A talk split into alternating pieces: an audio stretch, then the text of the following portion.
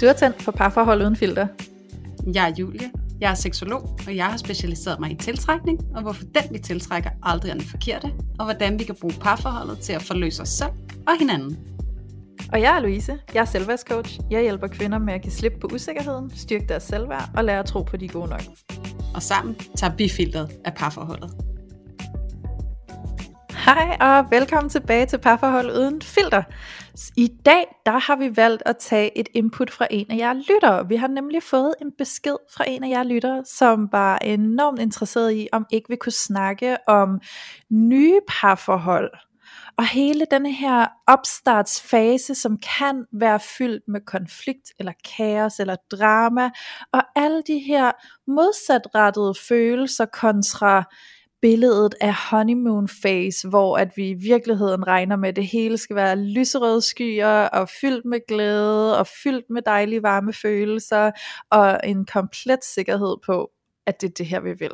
Fordi det er altså bare ikke sådan, det ser ud for alle. For nogen så er et nyt parforhold en langt mere bumpy road, en rusjebanetur, fyldt med tvivl, og tvivlstanker og tvivlsfølelser, og simpelthen meget mere spækket med konflikt og med drama og med kaos. Og det kan være frustrerende at være i, og det kan være svært at mærke efter, hvad betyder det? Hvorfor har vi det sådan, når andre bare flyver på en lyserød sky? Er det så fordi vi ikke er rigtige for hinanden? Eller hvad handler det her om? Og det har vi lyst til at dykke ned i i dag. Så til at starte med vil jeg bare lige sige hej til dig, Julie. Hej Louise. så Julie, vanen tro, så vil jeg jo kaste bolden over til dig og lige høre dig. Er det her noget, du relaterer dig ind i, eller hvad har du sådan af syn på det her med opstarten af et parforhold, der kan være sådan lidt mere shaky end den der lyserøde sky, som nogen er på? Altså, jeg har ikke selv øh, sindssygt mange erfaringer med det her, og øh, inden jeg begynder at dykke alt for meget ned i, hvad jeg umiddelbart tænker om det, så vil jeg lige komme med en lille disclaimer og fortælle jer kære lyttere, at jeg er altså blevet ramt af sådan en omgang forkølelse. Så øh, hvis jeg lyder lidt funky i det her afsnit, så er det altså fordi, at øh, mine bihuler de er stoppet til op over begge, øh, begge render. Så øh, det er derfor, at det måske lyder lidt sært, og jeg håber, I kan bære over med mig, og I får noget ud af det, jeg siger alligevel. Men tilbage til emnet. Øhm, jeg sidder umiddelbart og jeg bliver ramt lidt af noget, som jeg synes, jeg har oplevet kvæg erfaring, øh, og de beretninger, jeg har hørt fra, øh, fra mennesker, især fra singler, som er gået ind i et parforhold. Og noget af det, som jeg ser, der kan være utrolig udfordrende at skabe alt det her øh, højspændte stemning og de her meget turbulente bølger i starten af parforhold, det kan ofte godt hænge sammen med, at man har meget store forventninger til det her parforhold. Og særligt de mennesker, som har været singler i lang tid, øh, har ofte også brugt noget af den tid til at gå og ligesom at spekulere i at overveje, hvad er det for en partner, jeg godt kunne tænke mig? Hvordan er det, det her parforhold skal se ud? Hvordan er det, jeg gerne vil have det med den her partner, når jeg så finder en? Og hvis vi så ikke bliver mødt i vores forventninger, eller det ikke rigtigt på en eller anden måde lever op til de forventninger, vi har, jamen så er det, at vi kan begynde at lave noget larm og lave noget støj. Øh, hvorfor er det ikke, som jeg gik og drømte om, eller hvorfor fungerer det her ikke? Øhm, og nogle gange så er det faktisk hele den der skuffelse øh, over de ikke stillede forventninger, som skaber alt det her drama, øh, hvor vi kommer til at larme lidt ekstra meget, fordi vi simpelthen prøver at fremmane den måde, vi egentlig gerne vil have, det skulle være at føles på. Så det er noget af det, jeg kan se kan være en problematik, og jeg tror særligt, når vi kigger på de her mennesker, som er et sted i deres liv, sidst i 20'erne, starten af 30'erne, som har været singler, øh, og så finder en partner, så er der også hele det her reproduktionsspørgsmål, som dukker op med at stifte familie og slå sig ned og finde sin livspartner og sit livsvidende. Det er jo alligevel, øh, selvom tiderne skifter, så er det jo alligevel stadigvæk en drøm for rigtig mange af os. Og, øh, og det er ret store krav at stille til en ny partner, og det kan lave sådan lidt unødigt pres på relationen, så den egentlig er under pres fra start, og det kan altså virkelig, virkelig skabe nogle af de her høje bølger. Så det er sådan det, jeg umiddelbart tænker, øh, kan have en stor effekt, og så hele den her spejling af, hvordan andres parforhold ser ud, og det ser bare meget bedre ud end mit, og de har det så fantastisk, og hvorfor har vi ikke det? Hvorfor er mit parforhold ikke et Instagram-parforhold? Og, og det så også kan hænge sammen med øh, manglende erfaring med at være i et parforhold, og hvis man måske ikke har været i et parforhold øh, af længere varighed førhen, så kan man jo godt stå og ikke have så mange erfaringer med alle de her lidt svære ting, som jo også følger med i parforholdet, som vi to jo taler rigtig meget om i vores podcast, Louise. Det er jo mhm. alle de her elementer af alt det, der er svært i parforholdet, det er jo netop at tage filteret af og af-instagramificere parforholdet og afromantisere det, afdisnificere, hvis man skal se det på den måde. Fordi ja. mange af os går lidt med den der indlejrede forventning om, hvordan det skal se ud, og så bliver vi bare ikke mødt, og så kan det bare altså, blive helt vildt kaotisk. Ja. Men øhm, ja, altså det er jo sådan min, min observation, øh, og ikke så meget min egen erfaring. Så, men jeg ved jo, at du har noget erfaring med at komme ind i sådan et, øh, et forhold, hvor det måske larmer lidt i starten, så jeg kunne rigtig, rigtig godt tænke mig at høre lidt om, hvordan du har erfaret det, Louise, fordi så bliver det jo sådan lidt mere konkret og lidt mere hands-on, så har du lyst til at fortælle? Ja, det kan du så tro, jeg har. Altså Fedt. for mig har det jo været, som du siger, ja, jeg har erfaringen. Og for mig var det ikke et spørgsmål om hele den der sådan, øhm, øh, okay, nu skal jeg sådan være sikker på, at jeg lander den rigtige mand, fordi at nu er jeg jo også i en alder, hvor jeg skal stifte familie og børn, og så har jeg ikke tid til at sådan skulle igennem for mange agtige. Øhm, sådan husker jeg det i hvert fald ikke. Det kan selvfølgelig godt være, at jeg har haft en snært af det i mine tanker på det givende tidspunkt, men det er slet, slet ikke det, jeg husker, når jeg husker tilbage, fordi det, det handlede om for mig, det var simpelthen at komme ind i et parforhold og være helt vildt forvirret i virkeligheden. Altså nu kan jeg jo så lige så godt afsløre, at min erfaring det er faktisk med min nuværende kæreste. Fordi at vores begyndelse på vores parforhold var faktisk en, øh, øh, en bumpy ride, for at sige det lige ud. Ikke? Altså der var faktisk flere tidspunkter, hvor at vi næsten gik fra hinanden, og der var også et tidspunkt, hvor vi faktisk stoppede med at se hinanden, og så fandt vi ud af, at vi alligevel godt ville se hinanden, og så videre. Og, sådan, og den var bare fyldt med konflikter i starten. Altså der var virkelig nogle kanter, der skulle slibes. Øhm, og der var masser af tvivl. Altså jeg havde så ofte, hvor jeg var sådan helt i tvivl på den måde, hvor jeg bare følte, at der var sådan en grå sky over hovedet på mig, som om jeg kan intet se. Altså jeg kan virkelig ikke, jeg kan mærke, mærke til eller fra her. Og, øhm, alle de gange, hvor jeg bare lå der fuldstændig grødkvalt og bare var opløst i tårer, fordi at jeg var blevet ked over et eller andet, ikke? Øhm, som han havde sagt eller gjort, eller noget, der havde konfliktet imellem os. Så på den måde, så var det bare enormt kaotisk og enormt sårbart. Øhm, og enormt svært at være i, for at være helt ærlig. Så, øhm, så der var altså virkelig, virkelig noget på spil, kan man sige. Og øhm, på det givende tidspunkt kunne jeg nok ikke sidde og forklare, hvad det handlede om. øhm, mm. Det har jeg en lidt bedre chance for nu, hvor jeg ligesom kan kigge tilbage, og sådan som jeg ser det, så handler det om, at det var et tidspunkt i mit liv, hvor der skete ret store forandringer med mig. Øhm, fordi jeg kom simpelthen fra at have været, øh, hvad kan man sige, at have været en version af mig selv, der var vant til at være sammen med en type mænd, som mindede meget om hinanden.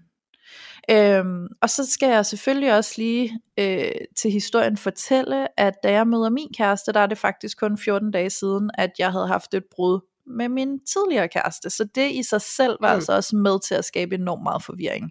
Og stå sådan lige midt i det hele, og alle de der indtryk, og sådan, wow, jeg er ikke engang sådan altså, jeg føler ikke engang, at jeg sådan er blevet renset fra det, jeg har været i, og nu kommer jeg ind i noget nyt, og hvad, altså sådan, også bare hele det her aspekt i, okay, det er der en hel masse andre mennesker, der har nogle holdninger til, og så videre, ikke? Øhm, men højdepunktet i det her, det er faktisk, at min kæreste, da jeg mødte ham på det tidspunkt, var den komplette modsætning af alle de andre mænd, jeg før havde været sammen med. Mm. Og det i sig selv skabte selvfølgelig noget røre inde i mig. Altså det skubbede jo til mig på en helt ny måde, fordi at det afspejlede jo nogle områder inde i mig, jeg ikke var vant til at være i kontakt med. Og jeg kunne mærke, at der var sådan en helt anden følelse af forventning om, hvem jeg nu skulle være øh, over for ham, og det var så ukendt det hele, fordi alle de andre mænd, jeg var vant til at date, dem vidste jeg jo godt, altså der, jeg kunne nærmest opskriften, jeg vidste godt, hvordan ser det her ud, hvordan navigerer jeg i det her, så kunne det godt være, at det var drønende destruktivt, men jeg vidste godt, hvordan man opererede i det, ikke? Øhm, hvor man kan sige, så møder jeg min kæreste, som er den komplette modsætning og til, til til det bedre, vil jeg så lige så sige. øhm, Vigtig pointe. ja, så jeg tror også, det var følelsen af, at der kom sådan et enormt stort forventningspres til mig selv om, at nu skulle jeg også være noget andet. Nu skulle jeg også være bedre og oppe mig og være en bedre version af mig, og sådan være en renere version af mig, og så videre, og så videre. Øhm, og så var der bare den her generelle enorme sårbarhed, og den her usikker på, altså usikkerhed på, kan vide om vi vil hinanden lige meget, ikke? Altså mm. sådan alle de her tidspunkter, hvor jeg tydeligt kan huske, at jeg var sådan helt, Åh, hvorfor skriver han ikke, eller hvorfor er det, han spørger, om vi kan rykke vores aftale, sådan, så han kan være sammen med sin kammerat i stedet for, hvad betyder det? Og så kunne jeg bare gå ind i den der dybe spiral af usikkerhed på mig selv, og tvivl på mig selv, om jeg var god nok, er han interesseret nok, den der hvis, hvis I nærmest kan forestille jer, at man står sådan i midten, og man ved ikke helt, om man skal læne sig tilbage, eller om man skal læne sig frem.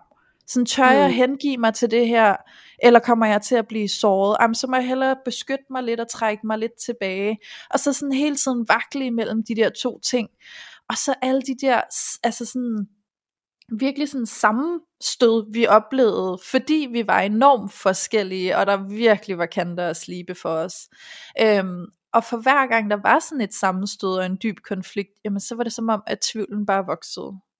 Øhm, kan vi overhovedet fungere sammen? Altså kan det her, kan det her have nogen fremtid for os? Altså kan vi sådan blive øh, i går så en aligned med hinanden, eller vil det bare være drama, drama, drama, ikke? Øhm, og så vil jeg bare sige, der var et eller andet, der bare knyttede os. Jeg kan ikke sådan helt beskrive det, men det var som om, at jeg havde sådan en gennemgående følelse af, at være knyttet til ham. Og jeg tror langt hen ad vejen, at det var det, der gjorde, at vi kæmpede for det.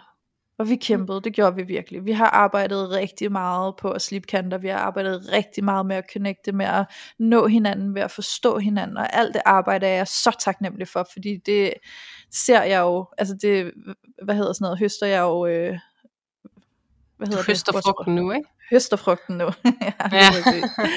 ja. øhm, men, men jeg forstår godt, at man der i begyndelsen kan tænke, er det det værd? Mm. Er det muligt for os? Skal vi det? Og jeg vil sige det sådan her, det har været den vildeste udviklingsrejse for mig individuelt at gennemgå alt det stykke arbejde, for det var virkelig et spørgsmål om at kigge ind af og virkelig komme i kontakt med mig selv, virkelig arbejde med mig selv, virkelig tage stilling til, hvem er jeg egentlig? Hmm. Det var virkelig et spørgsmål om at skulle finde det her helt personlige ståsted i mig selv, hvor jeg virkelig kunne mærke, hmm, hvad er min integritet egentlig? Ja. Fordi lige pludselig så mødte jeg altså en mand, som skubbede til mig på nogle måder, jeg slet ikke var vant til, fordi han stod også meget stålfast i sig selv. Det var jeg ikke vant til.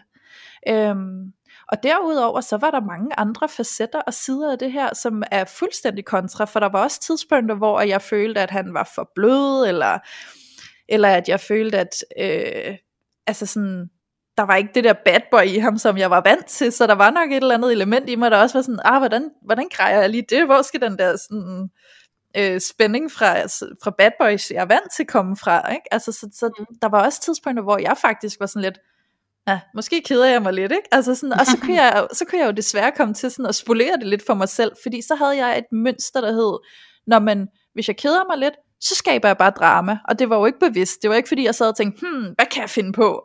hvad kan jeg finde på for noget drama og bringe i spil nu, vel? Men det var jo sådan en underbevidst mekanisme, der skete, ikke? Så prøvede jeg at ryste lidt til tingene, og skubbe lidt til tingene, for at få sat lidt i gang, jeg kunne respondere på, ikke?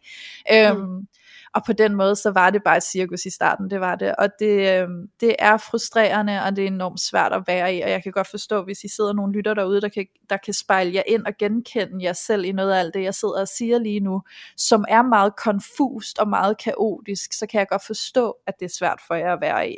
Øhm, så jeg har ikke en jeg har ikke sådan en endegyldig løsning, hvor jeg kan sige, hvis du, hvis du sidder og har det sådan her, så skal du bare gøre sådan her, og så har du løsningen. Det har jeg mm. desværre ikke, fordi for os og for mig, der var det work in progress. Så det var et spørgsmål om at arbejde helt hjernedødt meget med mig selv, og virkelig arbejde på at komme i kontakt med min egen mavefornemmelse. Det var et spørgsmål om gang på gang på gang at tage beslutninger om sådan, kan jeg se noget her? Hvad kan jeg føle her? Altså kan jeg mærke, at jeg har lyst, eller kan jeg mærke, at jeg er slukket? Hvad sker der inde i mig? Og det, der var svært, det var jo i det ene øjeblik at føle mig fuldstændig lidt op, og det andet øjeblik at føle mig enormt slukket, og så, og så prøve at veksle imellem det, sådan, hvad betyder det, hvad betyder det, og hele tiden overanalysere alle signaler, det var så drænende. Så for os og for mig, der kan jeg faktisk ikke engang forklare, hvad der gjorde det for mig, og jeg ved godt, det kan være enormt skuffende, men det var et hmm. spørgsmål om hele tiden at prøve at mærke efter, og jeg tror, jeg tror på, at der er nogle energier omkring os mennesker, og der var en eller anden connection, fordi dengang vi mødte hinanden, og vi begyndte at date, så tror jeg, vi datede i et par måneder, så stoppede det bræt, vi fik en konflikt, der var stor nok til, at vi holdt op med at tale med hinanden, vi blev bravende uvenner, vi talte ikke sammen i et par måneder, men det var som om, at i al den tid, hvor vi ikke snakkede sammen, der følte jeg mig stadig connected til ham. Jeg følte stadig, at vi hang sammen. Det er svært at sådan helt forklare. Så det var som om, at jeg hele tiden bare havde sådan en følelse af, at det er ham, og det bliver ham, og vi kommer til at finde tilbage igen. Men jeg kunne ikke svare for, hvornår eller hvordan. Men det gjorde vi så også. Så jeg tror for mig og for os, der lå bare nok et eller andet nede i fundamentet, noget dybt, noget stærkt, der tiltrækker os.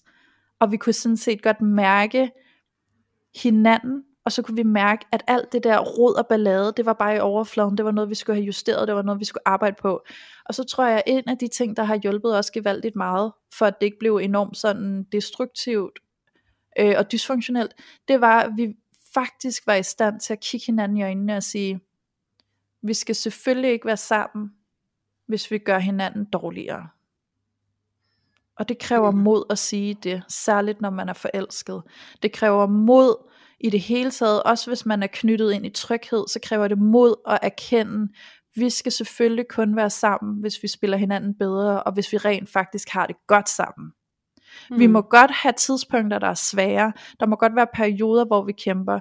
Der må godt være ting, som vi virkelig bruger energi på at arbejde på. Det er ikke fordi det hele skal være lyserødt og problemfrit. Det er ikke det, jeg mener. Men vi skal overordnet have en følelse af, at vi gør hinanden gode. Hvordan ser det ud, Louise? Fordi det lyder jo altså, som noget af en rejse, I har været på, men også at du siger flere gange det her med, at I virkelig arbejdede for det. Øhm, mm. Og der tænker jeg jo, det er interessant, især for de lyttere, som oplever at være gået ind i det her lidt kaotiske parforhold, og stå med tvivl og en masse drama.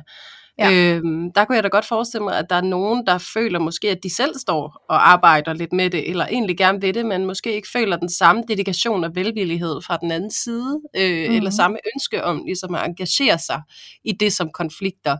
Øhm, og der tænker jeg da lidt, altså, om det måske er værd, at vi snakker om, hvad gør man så, altså hvis der ikke er den her gensidighed i, og ligesom at ville løse det, eller finde en eller anden måde at være med det på, hvad, ja. hvad, hvad så? Altså, hvad hvis din kæreste, han ikke havde været indstillet på, at I skulle arbejde for det her? Hvad, hvordan, hvordan ville det så være? Altså det eneste jeg kan sige er jo, det ved jeg ikke, for det, det har jeg jo ikke stået i, fordi vi var heldigvis der, hvor at vi øh, begge to var enige om at kigge på tingene, og vi var begge to enige om at kæmpe for tingene, vi var begge to enige om at arbejde på det, og, og jeg kan jo sagtens sidde og fortælle jer nogle metoder, som vi brugte til at arbejde med det, øh, men jeg har ikke stået der, hvor jeg har følt, at det er mig, der trækker den, altså det er mig, der hele tiden trækker læsset, det er ikke, altså det var ikke sådan, det var for mig, så det ved jeg ikke. Jeg kan godt sidde mm. og øh, fortælle, hvordan at jeg tænker, at jeg ville have håndteret det, hvis jeg følte, at det var mig mest, der, øh, der, der ville det og ville kæmpe for det, men at han ikke ville det. Men jeg ved jo ikke, om det er sådan, det vil se ud i realiteten, så jeg føler, at det bliver sådan lidt en øh, uværdig måde at, at, at sidde og snakke om det, fordi så bliver det bare et, øh, en finger i luften, ikke? Øhm, det er klart, men, men så når du siger det her med, okay, altså der var i hvert fald kan man konstatere mellem jer to, den her gensidighed omkring at ville arbejde på det, og det er måske også rod i den der connection, du snakker om, at, at ja. den var der, på trods af alt det, der stod. Øhm, så jeg tror måske, at når du siger, at du godt kan snakke om nogle metoder, altså en måde, I tilgik det på, så tror jeg da godt, det kunne være værdifuldt for lytterne, fordi at, så kan man mm. sige, at, at så når du præsenterer dem, så kan man jo sidde og vurdere, jamen er det noget, jeg måske føler, jeg vil kunne? Med, ja. med min nuværende partner, eller, eller hvor er vi henne, ikke? Altså måske for mm. at sætte det lidt i perspektiv, så kunne du ikke fortælle lidt om, hvad gjorde I så? Kan jeg sagtens. Øh, jeg kan sagtens lige komme ind på et par meget konkrete tidspunkter, hvor vi har gjort nogle ting, øh, og hvor jeg har gjort nogle ting, fordi det har handlet rigtig meget om for mig at ture være sårbar. Mm. Øh, for mig var det svært at være sårbar, det var svært at være hengiven, fordi jeg var møghammerende bange for at blive såret. Jeg havde sådan en gennemgående følelse af, at jeg tør ikke at hengive mig for meget, fordi hvis det så går i stykker, så står jeg tilbage fuldstændig knust. Så holder det i sådan en armslængde, fordi så mm. føler jeg mig mere tryg og sikker. Det vil sige, at vi stadig sådan kan lege sammen, men jeg holder lige sådan en udstrakt arm, fordi det er min sikkerhed. Øhm, ja. Så det handlede om at ture og læne mig ind i det, ture og være sårbar, ture og hengive mig til det, selvom det føltes angstprovokerende og nervepirrende. Øhm, helt konkret så handler det også om, at jeg har måttet øve mig i at ture og vise ham min sårbarhed ved at i talsætte dem.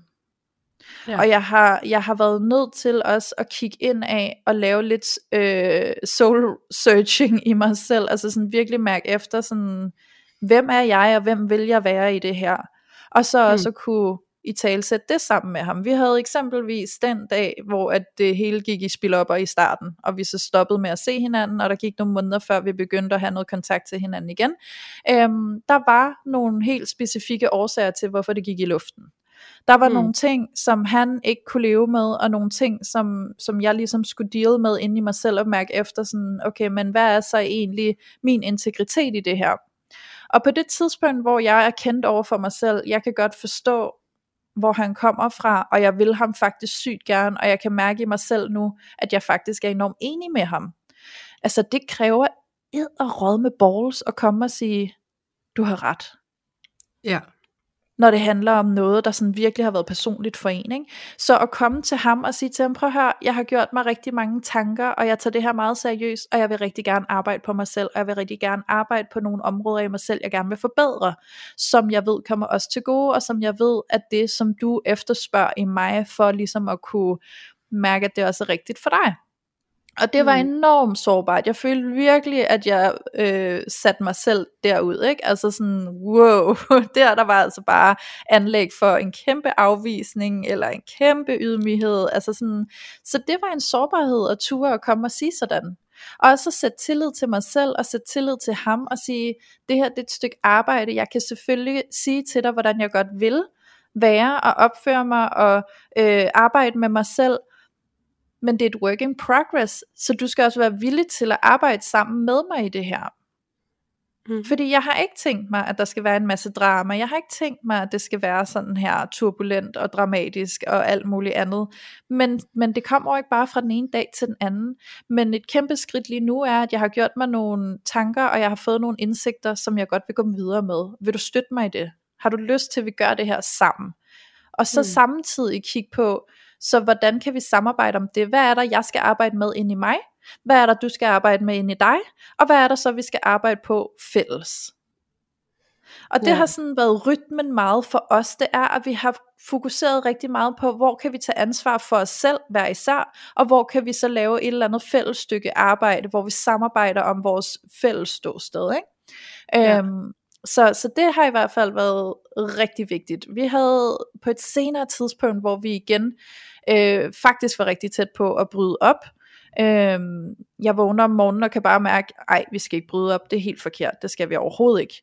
Øh, og det er jo i sig selv forvirrende at være i, og også for den anden, sådan, så vil du ikke, og nu vil du gerne, og hvad sker der her, ikke? Øhm, og så blev vi enige om, okay, der er nogle ting, der ikke fungerer, og vi bliver nødt til at blive klare i tankerne om, og i følelserne om, hvad det her skal være for os. Så vi aftalte simpelthen at tage et øjeblik, øh, altså ikke sådan væk fra hinanden, men bare lige at tage noget tid hen over et par dage, hvor at vi satte os ned hver især og skrev ned, hvilke ting har jeg brug for, at vi får arbejdet på, hvad, hvad for nogle ting har jeg brug for, at vi får bragt i balance, for at det her er optimalt at fungere for mig.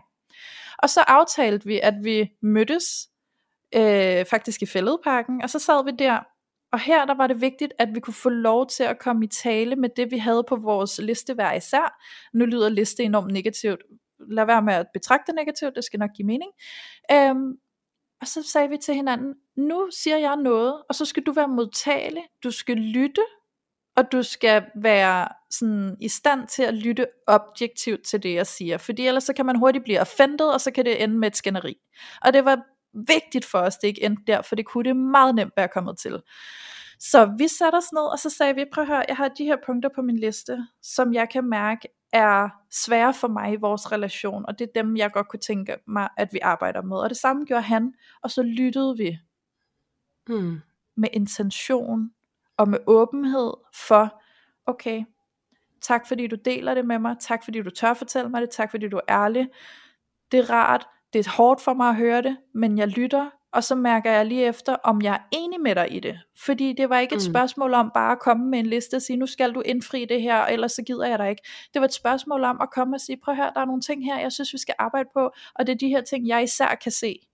Og så at sidde som den, der modtager den kritik, og så mærke efter ind i sig selv, okay, er jeg med på det, eller er jeg ikke med på det? Fordi det handler jo rigtig meget om at kunne komme ind i sin egen integritet.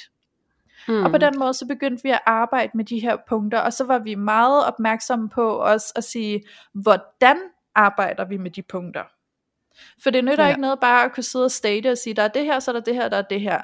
Okay, fint, det arbejder vi på. Fordi så ved vi ikke en skid, så går vi bare blinde ind i det, og så aner vi ikke, hvad vi gør. Vi er nødt til at sige, så for at arbejde med det her, hvad kræver det så helt konkret? Hvad er det for nogle forandringer, vi skal sætte for dagen?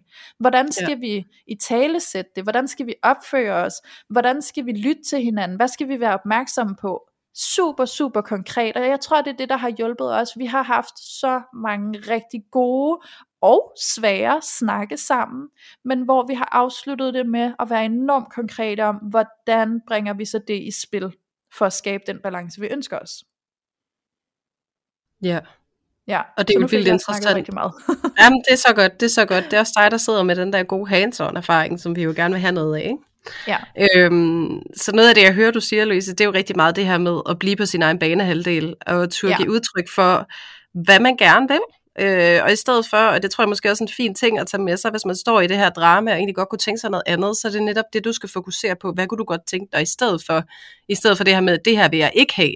Så Mm. måske det med, hvad kunne jeg egentlig godt tænke mig? Hvordan kunne jeg godt tænke mig, at det ser ud? Og så netop det, du siger, Louise, med at få sat handling på. Fordi det er jo ikke intentionen øh, eller værdierne, der ændrer adf- adfærden. Det er, jo, det er jo de nye handlinger.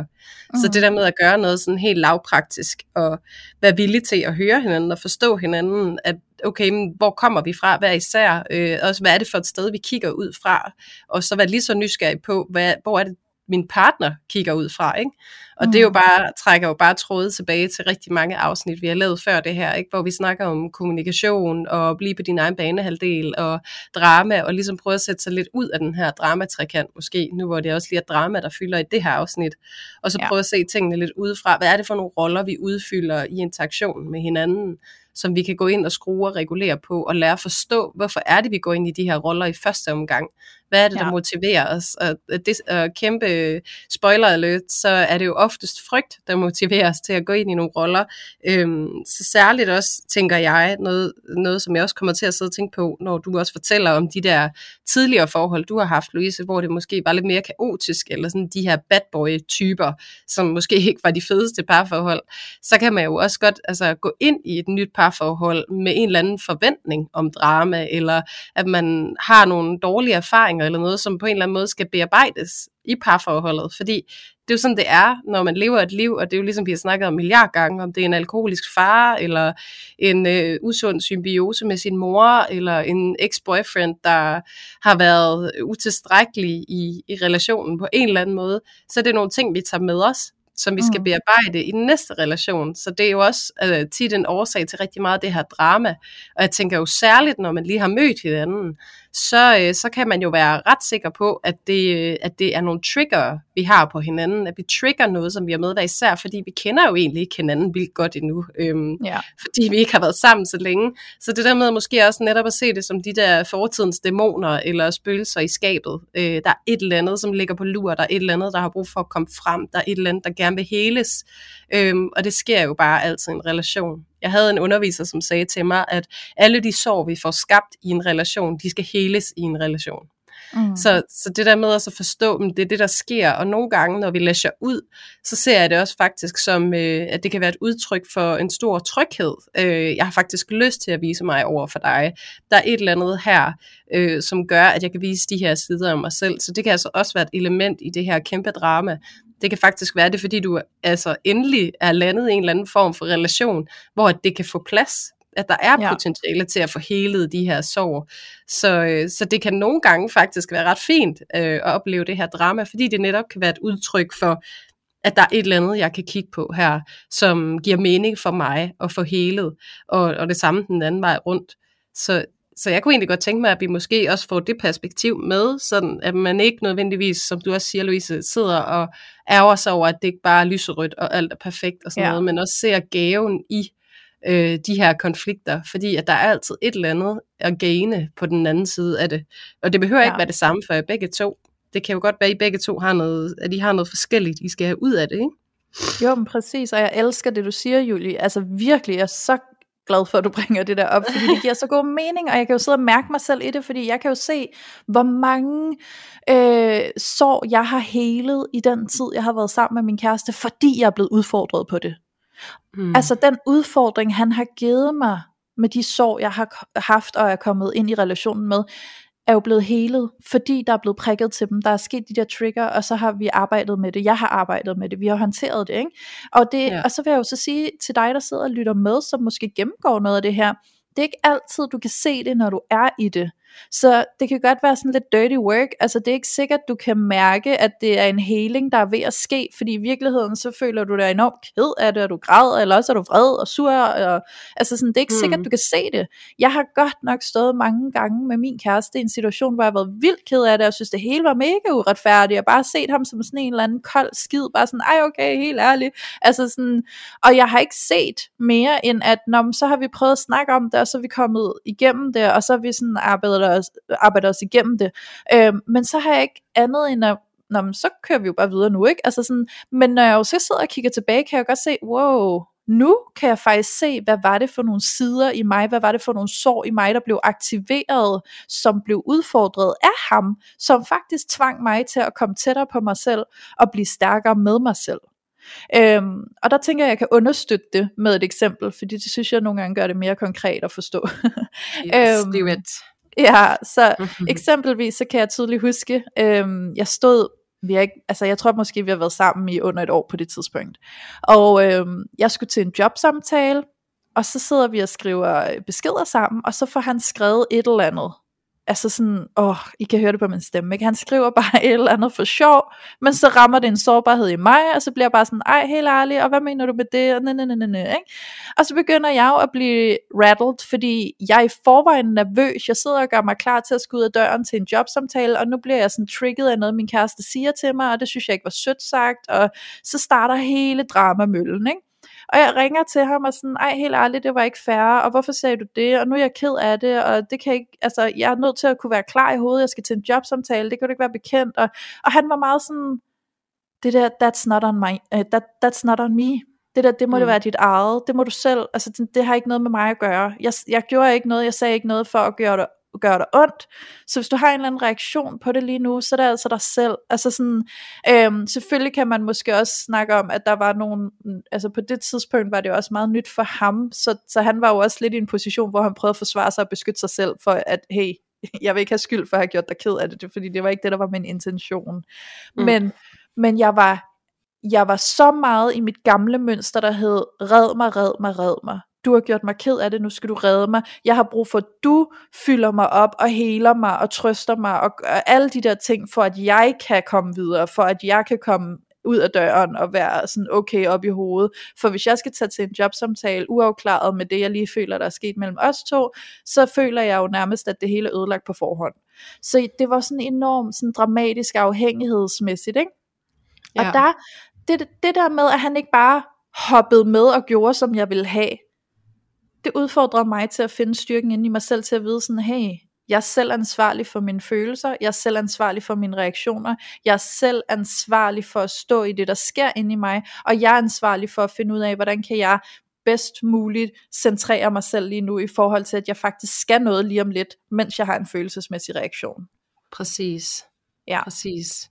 Og det er jo den der rigtig gode udfordring, man kommer til at give hinanden, ikke? Altså som er Jo. mere eller mindre ubevidst, og det der med at trick hinanden og trykke på hinandens knapper, og altså også igen til reference til tidligere, altså det er jo lige præcis det, vi finder, når vi går ud og finder en partner. Det er jo en, der kan trykke på alle de rigtige knapper, fordi ellers så bliver vi ikke forelsket i første omgang. Ja. Så, og jeg synes jo også, at der er noget fint i det der med, at, at nu ved jeg ikke, hvor mange af jer, der lytter med, der har børn, men det kan være, at der er nogen af jer, der har det. Så det der med, at man sender ens barn hen til bedsteforældrene, og så er de bare all good, all day long, og søde og rare, og velopdragende, og tager af bordet, og jeg ved ikke hvad. Og så kommer de hjem, og så bliver de bare fuldstændig umulige, og de skriger, og de skråler, og de gør et væsen af sig, og det føles simpelthen umuligt. Øhm, og det er, som man skal huske, når børn de gør det, det er jo en kæmpe tillidserklæring tit og ofte. Ikke? Altså, her kan jeg vise mine følelser, her er jeg tryg Mm. ved at være i mine følelser, jeg tror faktisk på den her relation, øh, så den læner jeg mig ind i, og derfor gør jeg det med alt, hvad jeg er. Så det er jo nogle gange også det, der sker, at vi mærker den der invitation, og nu også tilbage til Jytte Vigelsø med det forløsende aspekt, ikke? Altså vi kan godt Ja. mærke, at det er der, men der er jo også det der krænkende aspekt, som, som måske er det, der trigger relationen, eller trigger reaktionen, men grunden til, at vi læner det ind i parforholdet, det er jo fordi, at der også er et forløsende aspekt. Vi kan jo godt mærke på en eller anden måde på bunden potentialet for den der forløsning. Ja. Og så synes jeg bare, det er mega fedt, at, øh, at det der med, at du fandt styrken i dig selv, fordi det æder med med badass, og det er så svært, fordi jeg kender det så godt. Altså man kan ja. sige, nu sagde jeg som udgangspunkt, så kender jeg ikke vildt meget til hele den her tematik, men det der med, at ens kæreste siger noget, eller gør noget, og så især lige inden man skal noget, og vi to havde også en samtale, inden vi optog det her afsnit, om Mm. noget, der lige var sket for mig, og jeg kunne ikke lige finde fokus, og altså det der med, hvor nemt det er at blive skubbet sådan ud af balance, og ud af kurs, øhm, og det der med at forstå, at det jo ikke handler om den person, der skubber, men det der med, at man lader sig skubbe. Altså der, det er fordi, jeg er skrøbelig på det her punkt, at jeg kommer Ja. ud af balance. Jeg står ikke stærkt her. Øhm, og det er det der med netop at finde ud af, og det hjælper nogle gange mig, det der med, hvad er det, jeg får det til at betyde, når det her sker? Øh, hvad, og er det sandt overhovedet, at det er det her, altså at det betyder det her mig, for eksempel, han ikke kan lide mig, eller han er irriteret på mig, eller jeg er slet ikke god nok kæreste, og, eller altså man kan jo komme virkelig langt ud i de der tanker, når man bliver skubbet ud af kurs, i forhold til, hvad det ene og det andet, det betyder for den anden side, ikke? Ja. Og så kan det være rigtig, rigtig fint lige at få spurgt sig selv, okay, jamen, er det egentlig sandt, at det er sådan? Eller er det bare en gammel overbevisning, jeg har omkring mig selv? Eller er det en frygt? Eller hvad er det, der banker på? Og så kunne I tale sætte det nem, nem, netop som noget, der sker inde i mig, og ikke sådan, jeg vil ikke have, at du gør det der, fordi det gør sådan, ikke? Altså det der med, at man prøver at fikse det uden for en selv, eller fikse det inde i en selv. Der er Ja. bare en kæmpe kontrast. Og det synes jeg er genialt sagt, Julie. Sådan, forsøger du at fikse det ud for dig selv, eller ind i dig selv? For jeg synes, det er, det er essensen af, hvad det handler om. Altså fordi ja. Jeg kunne se det i mig selv, altså sådan hele den der begyndelse, jeg havde med min kæreste, og det mønster, jeg havde med mange af mine tidligere kærester, det var jo netop, at jeg forsøgte at fikse det ud fra mig selv. Altså det vil Ja. sige, at jeg søgte over i dem, giv mig noget bekræftelse, giv mig den her følelse af, at jeg er okay. Ikke? Øhm, og der ligger kraften jo i det stykke arbejde, jeg fik lavet gennem øh, de første par år med min kæreste, hvor at jeg lærte, at den skal jeg finde inde i mig selv. Ja. Øhm, og det er ikke dermed sagt, at vi aldrig nogensinde skal støtte os til vores partner, eller læne os ind i vores partner, øhm, fordi det er meget naturligt, og det er også en del af det, og det har vi også snakket om før, men det handler om, hvor vigtigt det er, at dit sådan, endegyldige ståsted er inde i dig. Ja, Ja, præcis. Ja. Search yourself, honey. Ja, Find lige your inner strength. ja, og jeg tror, altså search yourself må også være et nøgleord i forhold til hele denne her forvirring, som du kære lytter, der lytter med lige nu, og har synes at det her tema, vi snakker om i dag, var lige præcis det, du ville ind og lytte til. Jamen, står du i et relativt nyt parforhold, og er mega meget i tvivl, om det er det rigtige for dig, så er nøgleordet search yourself. Fordi altså Ja. ja. stop med at kigge på ham på checkliste og, og på fylder han de her krav og fylder han de her krav. Prøv nu bare at komme ind i dig selv og så prøv for fanden at mærke. Fordi nogle gange så prøver vi at tænke os alt for meget til tingene og prøve at være alt for sådan analyserende i det logiske. Og det som jeg i hvert fald har erfaret helt personligt, den skal jeg nok tage for egen regning, det er at det ligger i hvad vi mærker. Altså virkelig at kunne komme derind og mærke, og så træne dig selv i at mærke din mavefornemmelse. Fordi det er der, du finder svaret. Men så længe at du sådan famler rundt efter svaret ude rundt omkring dig selv, du spørger alle dine veninder, og du sammenligner dig med alle mulige andre, hvordan ser det ud for jer, og nå okay, det er anderledes end os, hvad betyder det så, og altså alt det der, det gør dig kun endnu mere forvirret. Mm. Ja. Helt sikkert. Og der er også noget andet, jeg kommer til at sidde og tænke på, Louise. Og det er Ja, også lidt med afsæt i, i en af de, de ting, lytterne har skrevet til os, fordi det der med at search yourself og finde ud af, ligesom, hvad din aktie er i det. Og der tænker jeg også, i sådan et parforhold her, også tilbage til din fortælling om, hvad der er din kæreste gjorde med, ligesom at skrive ned, hvad er det, I oplever, og blive hjemme ved jer selv, i, i det, I forklarer hinanden. Mm. Øhm, der er nemlig en, der har skrevet tvivlen imellem ærlighed, men undgå at overvælde med følelser. Og det Ja. synes jeg er ret interessant, fordi jeg tror, at det der med at komme til at overvælde med følelser, og ligesom at kaste op på den anden med alle ens følelser, og hvordan man har det, og alt det, man har med og sådan noget, det kommer jo fra en underskudsforretning tit og ofte, hvor man har Ja. et kæmpe behov for at blive spejlet og bekræftet og mødt. Og det her med, at hvis vi har brug for at blotte os selv på den måde, så kan det godt være, at jeg har lidt brug for, at du skal ke- vide det hele, du skal kende hele posen, fordi at jeg skal være så sikker på, at du gerne vil mig. Og det, Ja. at du har brug for, at den anden skal være så sikker på, at de vil dig, det er fordi, du faktisk ofte selv er usikker på, om du vil dig. Eller Ja. usikker på, om du er nok. Øhm, ja. Så det der med at holde lidt igen, det er ikke nødvendigvis det, jeg advokerer for, men det er igen, det er hvordan du taler om det. Øh, tilbage til jeres øvelse. Tal om dig selv. Bliv hos Ja. dig selv. Fortæl, hvordan det ser ud. Vær nysgerrig på den anden. Og også måske det der med at prøve netop, i stedet for at være så selvoptaget, så også prøve at være mere empatisk i hele den der øh, kulmination, hvor tingene det virvler op. Fordi der, hvor tingene virvler op og bliver ved med at virvle op, det er tit og ofte, når vi sætter os rigtig meget fast i vores egen fortælling, vores mm. egen oplevelse, vores egen uretfærdighedsfølelse eller frygt, fordi så, så bliver vi stok i det der, og vi kommer til at tro på, at det er så sandt, at vi bliver fuldstændig sådan, øh, hvad kan man sige, paniske, ikke? Jo mere man Jo. sidder fast, jo mere man er indeklemt, indelukket, jo mere panisk bliver man, jo mere reaktiv bliver man. Så det er også nogle gange prøve at- at kigge på det fængsel, du har låst dig selv inde i på en eller anden måde, af følelser, overbevisninger og frygt. Det synes jeg bare er så fint at få med i, i hele den her kontekst, fordi og især de her gamle erfaringer. Please kig på dine gamle erfaringer. Hvad er det, du er bange for, der skal gentage sig?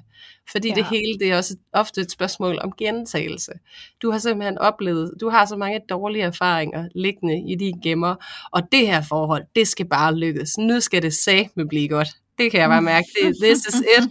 Og så kommer der bare det ene og det andet og det tredje og det fjerde, som du måske kender, men det der med også at forstå nogle gange, at det ikke er adfærden i sig selv, som er et produkt af det, du har oplevet, men det er din tolkning af adfærden, som der er noget galt med. Og din tolkning, den er din, og den bor i dig, og den er lagret fuldstændig i, øh, i, i din gamle del af hjernen, hvor du bare har alle de her trælse minder og dårlige erfaringer med, med tidspunkter, hvor du er blevet såret, eller Ja. grænseoverskredet, eller alt muligt den dur. Og det er det, du skal få øje på. Search yourself. Virkelig ja. ind og kig og rod i gemmeren, og hver gang du får den her øh, øh, oplevelse af at træde ind i dramatrikanten og blive redder, offer eller krænker, så vær nysgerrig på, hvorfor søren gik jeg herind? Hvad skulle jeg herinde? ja. Hvad motiverede mig til at gå herind? Og hvordan kan jeg komme ud igen? Og nej, det handler sjældent om partneren. Det handler altid om dig selv. Hvad, Ja. Hvorfor du indtager de roller, du gør. Og så, altså, nu, nu snakker vi jo meget sådan generelt, Louise, sådan om, hvad kan man sige, majoriteten af parforhold. Og Mm. med det, så tænker jeg også, det er værd lige at nævne, at der jo også er en minoritet af nogle parforhold, hvor det faktisk reelt set er en ret usund relation. Øh, der kan være nogle øh, diagnoseproblematikker med indover, hvor at, øh, nu har vi nævnt narcissisme før, eller et eller andet, hvor at, øh, at uanset din, øh, din gode indsats og din gode intention, så kan det være rigtig, rigtig svært at gøre noget ved, fordi så er der ligesom nogle andre ting, der larmer, øh, ja. når vi snakker de her dramatiske parforhold. Og det er ikke fordi, vi overhovedet kommer til at gå ind i det. Jeg tænker bare lige, det var væsentligt at nævne, som man måske også er ops på den del af det, hvis man nu har en historie med nogle rigtig turbulente parforhold, så kan det godt være, at det lige er værd at kigge på det også. ja. Hvad er det for mennesker, jeg tiltrækker? Hvad er det for... Fordi dramaet, det kan jo godt være uh, the main recipe, især hvis du kommer fra et meget dramatisk hjem, hvor du er vokset op, ikke? Mm-hmm. Jo, Ja. 100. Okay, Yes. Julie, der ramte du bare øh, hovedet på rigtig mange søm lige der. Okay, fedt. det var mega fedt. Og jeg har lyst til sådan lige at backtrack til noget af det første, du sagde, den der, øh, som der var en lytter, der havde skrevet det der med sådan at dele noget sårbart, og så samtidig være bange for sådan at overvælde med følelser, ikke? Og som du sagde, det der med, at det ikke bare bliver sådan noget opkast, følelsesopkast, nu kaster ja, bare op ja. ud over dig med alt det, der er inde i mig, ikke? Ja, øhm, præcis. Og der har jeg bare lyst til sådan lige at, altså sådan, i hvert fald komme med mit perspektiv på, hvordan man kan tøjle det. Fordi øh, nu sad jeg lige her på en livestream i et forløb, jeg har med nogle kvinder her den anden aften, og så, så sad vi netop og snakkede om det. Og som jeg sagde til dem, prøv at høre her, den her bekymring for at kunne komme sårbart frem og i tale sætte sådan det, der sker inde i dig, dine følelser, din usikkerheder, og alt det her, bekymringen for, at det bliver sådan på den der needy måde, og den der overvældende måde, hvor folk bare sådan, åh, nej tak. øhm, hvordan kan du tøjle det i stedet for? Og det som jeg sagde, det var, prøv at høre, skiftet ligger i, at du betragter, at du oplyser om det, der sker inde i dig selv. Frem for, at du faktisk er i gang med fra sådan et meget needy standpunkt, er i gang med bare at altså som du siger, Julie, kast op, altså som bare kyle det hele ud i hovedet, og faktisk med sådan en, øh, et ønske og sådan en intention om, nu skal der helst komme noget respons på alt det, jeg siger, og der skal helst komme noget bekræftelse på alt det, jeg siger, sådan så at jeg ligesom kaster det ud, som sådan føler, og så skal du sådan lige fortælle mig, at jeg er okay, på trods af alt det her. Fordi så bliver det en meget needy energi, som kan være drænende, i den relation du er i, fordi det, du, du på en eller anden ubevidst façon får gjort det til den, til den andens ansvar, og samle dig op og løfte dig, og samle alt det du har sagt, og gøre, det, altså, og gøre dig bekræftet i, hey du er stadig okay, bare kom her, jeg skal nok tage mig af dig, og du kan være tryg hos mig, ikke?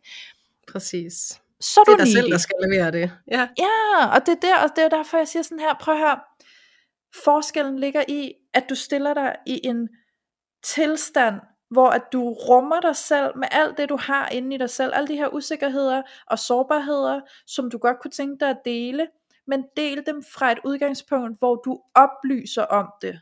Fordi så er du ikke ude på, at der er nogen, der skal sådan samle det op for dig og gøre noget ved det, og bekræfte dig. Så er du bare ude på at oplyse, hør her, jeg kan mærke, at jeg har de her reaktioner inde i mine følelser. Jeg kan mærke, at jeg reagerer på det her.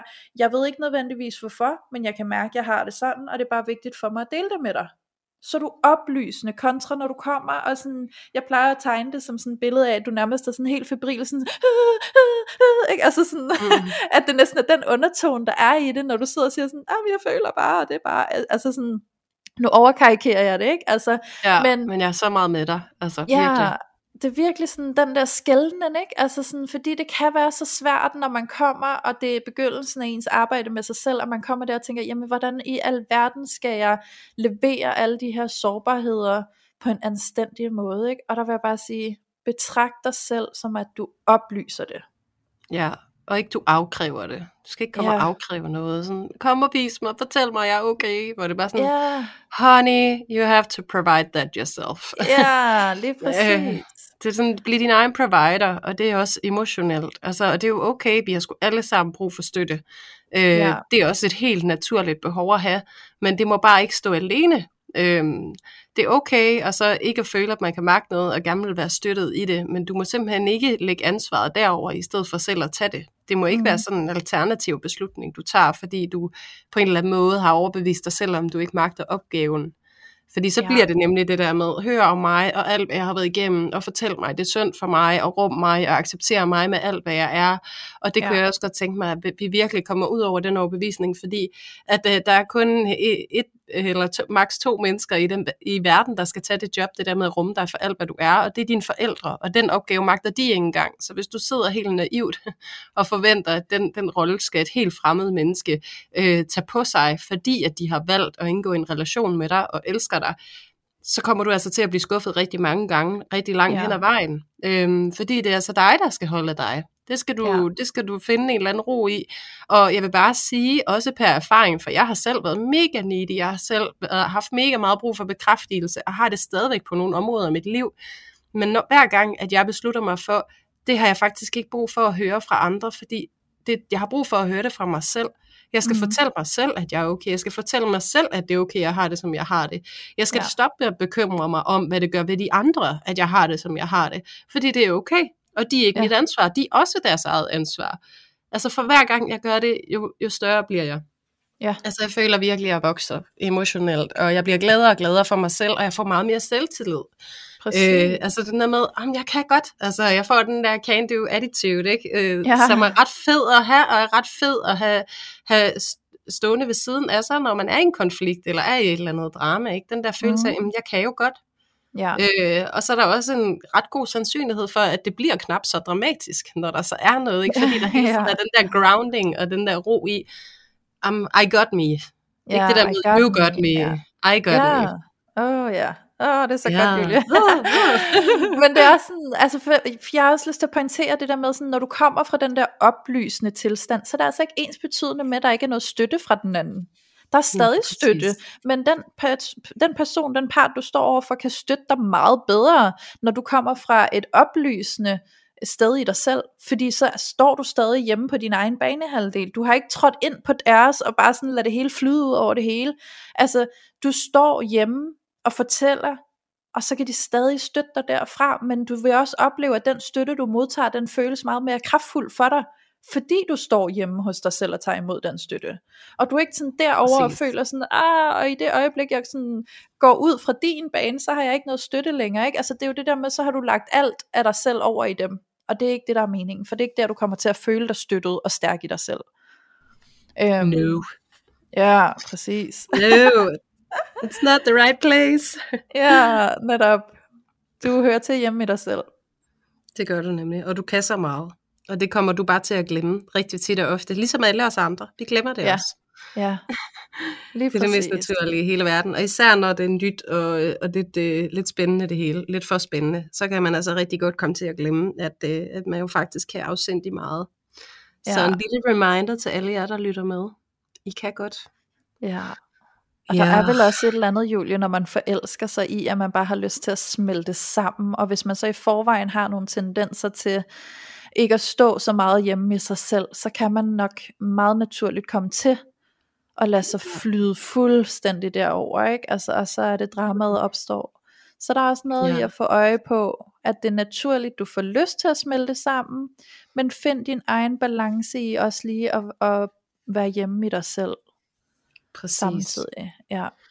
Og jeg tror egentlig, det er den perfekte afrunding til det her afsnit, fordi nogle af de spørgsmål, vi har fået rigtig mange af i den her omgang, det er det her med, hvordan kommer man ud af det her drama, og Mm. hvordan taler man så om de her mønstre, og hvordan får vi løst det? Og jeg synes jo, du er kommet med nogle fine og meget sådan konkrete eksempler på det her med at, at gå lidt hver for sig, skrive ned hver især, og, og så fremlægge det øhm, med et udgangspunkt, hvor man bliver hjemme ved sig selv på sin egen banehalvdel. Øhm, Ja. Det er jo sådan en meget, meget fint og lavpraktisk måde at tilgå det på. Øhm, og ellers, hvis du ikke føler, at I er der, hvor at I øh, er motiveret til begge to at gå hver for sig og skrive ting ned, øh, det er jo forskelligt, hvordan man håndterer øh, tingene, så, øh, så start med det her med at komme hjem i dig selv, få øje på dig selv, find ud af, hvad det er for et drama, du byder ind med, find ud af, hvor det kommer fra, hvad det handler om, og tage ansvar for det. Øhm, fordi det igen, det er så powerfult, som du har sagt, Louise, det der med at gå hen og sige, jeg tog fejl. Ja. Eller, Gud, hvor har jeg fået øje på den aktie, jeg har i det her, der sker. Gud, hvor kan jeg se, hvordan jeg bidrager til den her dynamik, der er imellem os. Begynd at tage ansvar for dig selv. Fordi Ja. det helt naturligt fremelsker ansvaret hos den anden. Så Netop. det der med, at hvis du er i drama, hvis du er stok i drama, hvis du er træt af drama, så begynd at tage ansvar for dit eget drama, og tage ansvar i samspillet med din partner også. Så Ja. kan du bare se, så skulle der gerne ske noget, og øh, det tør jeg næsten, jeg tør næsten lægge hovedet på blokken og sige, så sker der noget. Ja, det gør der og, med det, 100%. og med det sagt, så kan det også bare være rigtig, rigtig, øh, det, er, det er en sej opgave at gå i gang med, men tro mig, det er virkelig noget, der er et kæmpe afkast på, så, øh, Mm. så jeg kan kun give min varmeste anbefaling til, at øh, du går i gang med at search yourself, take It's responsibility for yourself, rely on you, ja, lad os køre en masse quotes. ja, ja, vi følger lige noget af her til sidst. ja. Men, øh, Encouraging. Ja, ej, men jeg er så enig, Julie. Det er så gyldent, og jeg er helt enig i, at det er den helt rette note at runde af på. Sådan. Jamen, Ja. det er jo fedt. Ja, det er det. Så øh, jeg håber, at alle I lytter, der har lyttet med, og måske sidder i et nyt parforhold, hvor du er lidt forvirret, eller i tvivl, eller der er lidt drama og kaos, så håber jeg, at det her afsnit har givet dig noget, du kan gå videre med, og noget, du kan arbejde med, og måske endda noget klarhed. Ja, det ville være dejligt. Og så også bare lige sådan en sidste endnote. Øh, der er ikke to parforhold, der er ens. Øh, nogle de øh, starter ud dramatisk, nogle de starter ud helt stille og roligt, honeymoon phase. Og øh, det er også bare at sige, øh, I'm mad at Disney, øh, fordi de har givet lidt et andet billede øh, af, hvordan tingene ser ud. Øh, så er det tit alt det drama, det er noget, der er ude omkring dem. Det er en ond øh, stemor eller et eller andet, whatnot. Øh, men ja. det der med, at, øh, at alt dramaet kan også være inde i relationen, og bare lige så du ikke sidder og føler dig helt vildt forkert, så vil jeg bare lige sige, det er ganske normalt. Og sådan er det for nogen, og sådan er det ikke for andre. Så det er ikke nødvendigvis fordi, at det, det er dødstød til jeres parforhold. Øhm, men det er derimod en kæmpe stor invitation til at øh, få et rigtig godt grip omkring jer selv i en relation ja. til et andet menneske. Så øh, hvis I har mod på udfordringen, så kast jer ud i det. Mm. Det, det, kan, det kan kaste rigtig meget godt af sig. Helt bestemt. Ja, så tak for i dag, Louise. Tak for i dag, Julia. Og øh, så er der jo ikke meget andet at sige, end det vi plejer at sige. Og det er tusind tak, fordi I tog filteret af parforholdet sammen med os i dag.